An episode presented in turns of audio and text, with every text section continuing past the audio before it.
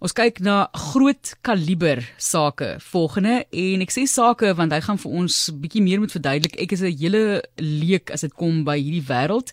Dis Alexander Kutse en hy's lid van die nasionale skietspan. Baie welkom aan jou Alexander.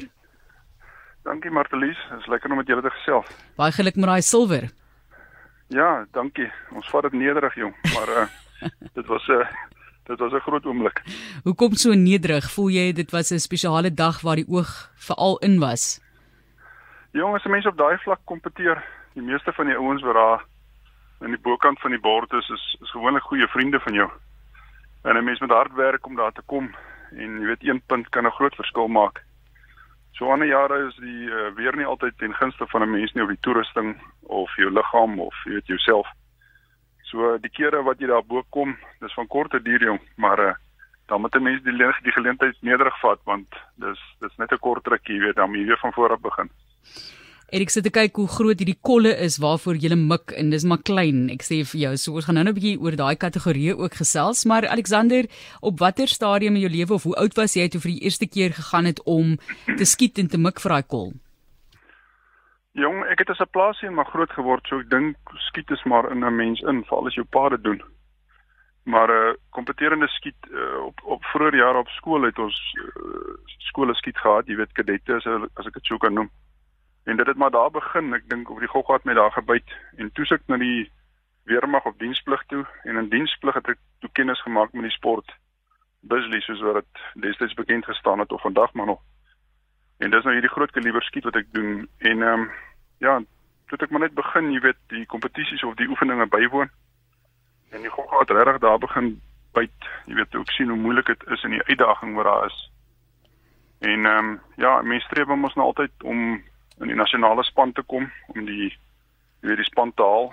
En as 'n mens eers daar is en jy begin nou blootstelling kry in die res van die wêreld, jong, dan begin 'n mens nou regtig die gogga kry. So dis maar basies waar dit begin het jong en ek het my net aangehou. Bisley, soos ek verstaan, is 'n plek. Kan jy vir ons daai konsep verduidelik? Ja, ek hierdie jaar is ons eh, die die, die Bisley in Engeland of soos ons dit noem die Imperial Meeting was hy 154ste keer wat hulle hom aangebied het. So as jy kyk na die jaartal, is dit waar dit basies begin het vroeër jare, jy weet, jare terug. En dit het alles begin in 'n klein dorpie met die naam van Bisley wat vandag nog daar is. So die skietbane en die omgewing daar is op Bisley, jy weet, en dis waar die naam vanaf kom. So toe dit na ons toe kom in Suid-Afrika, is dit nog steeds Bisley gewees, soos in die ou taal. Maar met hedendaagse bewoording en dit wat op baadjies moet kom en wat ou op papier moet skryf, het ons dit toe verander na groot kaliber skiet, jy weet of ehm um, high power shooting as ek dit sou kan noem, maar ehm um, onder ons skits staan dit nog steeds bekend as Bisley en ons praat nog steeds van Bisley in Engeland. So dis basies waarvan die woord Bisley kom. Goed, groot kaliber skiet. Verduidelik vir ons watter kategorie dit is. Jy weet jy regtig moet vir my mooi verduidelik. Is dit die koel, is dit die wapen, die kombinasie van die twee natuurlik? Verduidelik vir ons hoe dit werk. Ja, hy is nie letterlik groot nie, die geweer, jy weet, dis 'n is 'n gewone enkelskoot geweer, maar ja, groot kaliber is 'n kaliber wat soos wat ek uh, vir julle geskryf het, is ons gebruik 'n 7,62 mm wat in die jagtaal nommer 308 is. En uh, die koeldiameter is 7,62 mm. Ehm um, en ons gebruik 'n dop en hy word volkruit gemaak en jy sit 'n punt voorin. En die punt wat ons gebruik op ons klasse is net 155 grain. Daar is wel ander klasse waar jy ons 'n teleskoop gebruik wat hulle dan met swaarder koels kan jy weet punte kan skiet mee. Maar in ons klas, jy weet, is dit net dit. So dis nie 'n geweer met 'n magasyn nie. Jy kan net een skoot op 'n slag vat, so jy moet elke keer die geweer laai in die lê posisie. Korrel na die kol en dan skiet. Goed, so ek neem aan ek vlieg jy met jou eie wapen want dit is so 'n persoonlike item. Ek weet ek dink aan byvoorbeeld perdry kompetisies. Jy kan nie jou perd noodwendig saam met jou vat oor see nie. Hulle kom daar en ontvang hulle 'n perd en as ek kom by wapens is daar weer ander tipe van reëls en beperkings. So gaan jy oorsee na hierdie kompetisie toe met jou eie wapen en word ammunisie dan daar vir julle verskaf. Hoe werk dit? Ja, ons ons woon alle kompetisies by met ons eie wapens. Ehm um, die proses is redelik eenvoudig. Jy moet net lank voor die tyd aansoek doen aan beide kante, Suid-Afrika en in Engeland byvoorbeeld vir jou tydelike uitvoerpermit. So daar is 'n proses waardeur jy moet gaan en as jy dit het, word jou wapen in 'n tas gepak, verseël en die lugredery vat verantwoordelikheid vir hom. En dan vlieg jy aan die kant toe en as jy in Engeland kom, ontvang jy hom basies. Jy kyk dat alles reg is in werkende toestand. Jy kry ammunisie in Engeland. Engeland is uh, Bisley en Engeland is een van die enigste kompetisies wat ammunisie aan jou verskaf. So jy kan nie jou eie ammunisie saamvat nie of jy mag nie jou eie ammunisie gebruik nie. Wat dit uh, weer eens 'n bietjie moeiliker maak want jy kom nou daaraan en jy weet nie presies wat om te verwag nie. So jy moet vinnig verstellings en dinge maak in jou geweer om daai ammunisie te akkommodeer. Waar in die res van die wêreld en wêreldkampioenskappe in Suid-Afrika vervaardig ons ons eie ammunisie. Ons herlei dit en jy weet wie kan die ammunisie aanpas om by jou geweer te te werk. Ja, so om jou 'n kort antwoord, ons vlieg met ons eie ammunisie, ons eie geweer, maar ons kry ammunisie in Engeland. Jy nou en as jy verstellings moet maak aan jou geweer, watter tipe verstellings praat ons nou hiervan? Jong, die enigste ding wat jy kan doen as jy daar kom is daar's klein daar's klein goedjies wat jy aan jou ronde byvoorbeeld kan doen. Jy kan miskien 'n bietjie poeier aan hom sit wat ons aan die punt smeer of jy kan ehm um, jy kan jou geweer invat na 'n wapensmid en vir hom vra hy met die diameter van jou of jy jou kamer vir jou verander dat dit die ammunisie pas.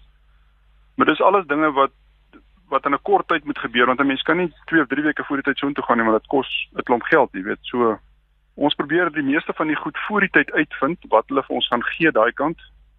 En dan vat jy jou geweer na of jou wapen na 'n wapensmid toe en jy vra vir hom om vir jou 'n paar veranderinge aan die geweer loop of kamer of wat ook al te doen sodat dit die ammunisie kan akkommodeer. Maar ek sou sê 80% van die kere weet ons al wat aangaan vir die tyd. So jy kry jou jy kry jou eende mooi in 'n ry dat jy weet jou goed is reg voor jy daar aankom want 'n mens kan tog nie op daai vlak kompeteer en hoop dinge gaan werk nie. Ja. Nou hoop jy ook dinge gaan werk wel in terme van jou mikking. So ek jy weet ek voel altyd enige atleet of enige persoon soos ek hier sit vandag, jy het goeie en jy het slegte dae. Die een dag is jy regtig goed met wat jy doen en die volgende dag het jy oomblikke waar dinge nie so vlot verloop byvoorbeeld nie. Jy slaan dubbelfoute as 'n tennisspeler, daai tipe van ding. Die volgende dag slaan jy 'n lekker paar groot goeie kolskote. So kom ons praat oor die afstand en dan hoe groot daai kol is wat jy op mik en en dink jy dit is maar net natuurlik oefening en uh, is daar 'n paar gene daar wat in jou broei wat jou so goed maak? Ek ek dink ek dink regtig om te begin by die gene. Kom ons begin by dit eerste is eh, 'n mens word verseker gebore met hierdie met 'n aanleg in enigiets wat jy goed is. Ek dink net maar dit kan nie daarby bly nie. Jy moet hard werk en hard oefen. Ek is gemiddeld van 5, 6 keer 'n week in die gym. 'n uh, Mens moet jouself sterk maak en jy moet jouself fiks maak. Want as jy vir 10 dae op jou maag moet lê en elke dag 'n klomp skote aftrek, kan jy nie onfiks daar aankom nie. En dan wat die kolle aan betref, ehm um, mense wat goeie oë hê, maar dit kom definitief met oefening ook. Is ehm um, jou ooghandkoördinasie moet goed word soos wat jy hom oefen, jy weet want jy mik na hierdie swart ronde kol wat groot is, maar binne in daai swart ronde kol is daar klein stippellyn of 'n klein lyn wat 5 punte tel en een wat 4 punte tel en jy moet soveel as moontlik van hulle in die hoogste telling inkry op daai spesifieke afstand. Nou as jy vir 'n week lank skiet, ja, dinge dinge kan moeilik raak. Jou liggaam, jou liggaam raak seer, jou oë raak moeg. Ehm um, so ja, dit is alles dinge wat kan verkeerd loop net soos met enige atleet. Dis ons ook maar atlete, jy weet so. En dan die die ding wat vir ons baie keer moeilik kan raak is jou is jou senuwees as ek dit so kan noem, jou hoe jou hart voel en want as jy daar lê en jy sukkel met jou hart en dit 'n vreeslike hartklop aan hom omdat jy onder druk is en jy moet presteer en jy weet jy's miskien voor of jy's miskien tweede, jy kan dit dalk maak. Dan sit jy nog verder druk op jouself, jy weet wat wat veroorsaak dat jy die geweer nie lekker stil kan hou nie. En dan laastens sit jy met ehm um, weeromstandighede. Hulle hulle stop nie sommer die skiet as dit reën nie. Hulle stop nooit die skiet as dit stormwind is nie. Solank die skuwe staan met jy skiet, jy weet, so jy moet verstellings maak om daai koelpunt van jou so naas moontlik in die middel daaronder te kry met al hierdie weeromstandighede wat gebeur en jy wat nog met stil lê ook. Ja, so dis 'n dit is nogal 'n proses. en op die dag van die silwer oorwinning, vertel vir ons van die omstandighede en hoekom jy dink jy was so suksesvol. Weet jy Matlies, ek dink ek het 'n goeie week gehad en ek het myself goed voorberei. Ons ons is eintlik 'n groepie ouens wat ehm um, van Suid-Afrika af na die Statebond spele toe sou gaan. En ehm um, maar die Statebond spele se skiet is afgestel uh, weer weens verskeie redes. Ek is nie presies seker wat die redes 100% was nie, maar so daai voorbereiding het ek gebruik en jy weet met dit Engeland toe gegaan. Ehm um, En dan in Engeland self, jy weet, ek het die hele week was ek voor gewees as ek reg is in die in die wedstryde. Ek het goeie details getrek. En die, ek dink die weer was my gunstig geweest want ehm um, om so min punte te verloor oor 'n week kan tog nie net 'n uh, ou se eie vermoë wees nie. Maar ehm um, die laaste dag was vir my 'n moeilike dag geweest. Ek het uh, ek het moeilike weeromstandighede gehad vir twee spesifieke afstande, veral die 900 en die 600 meter. En daarso het ek net 2 punte verloor op die 2, maar dit was genoeg vir my vriend Parag Patel van Engeland om by my verby te gaan. En dit was slegs 1 punt te min. Jo, 1 punt wat so groot verskil kan maak, né? Ja. ons dink aan jou, wat lê vir jou voor as atleet? Weet jy ons het volgende jaar ek doen ehm, 'n um, ander klas ook waar ons teleskooppomp ons gewere het. Ons noem dit 'n uh, eh, F-klas Ons het volgende jaar die Wêreldbeker in Suid-Afrika in Bloemfontein wat dit vir ons bietjie voordelig maak. So dis iets waarna ek werk. En dan in 2024 het ons nog 'n Wêreldbeker in Suid-Afrika ook in Bloemfontein wat ehm um, dan nou my klas is wat ek eintlik doen die die Busley gewere. So dis twee groot kompetisies waarna toe ons werk en jy weet die bestes van die wêreld kom hiernatoe so dit gaan 'n groot uitdaging wees om 'n merk te maak daarso en om ten minste net in die top 10 of die top 20 klaar te maak. Want enige ou in daai top 50 kan dit wen. Jy weet, so dit dit is 'n groot uitdaging. Daar's baie werk wat voor lê. En uh, daardie werk, hoeveel oefening per dag of per week, hoeveel ure soos 'n klavierspeler dalk wat sit en oefen, hoe baie ja. werk?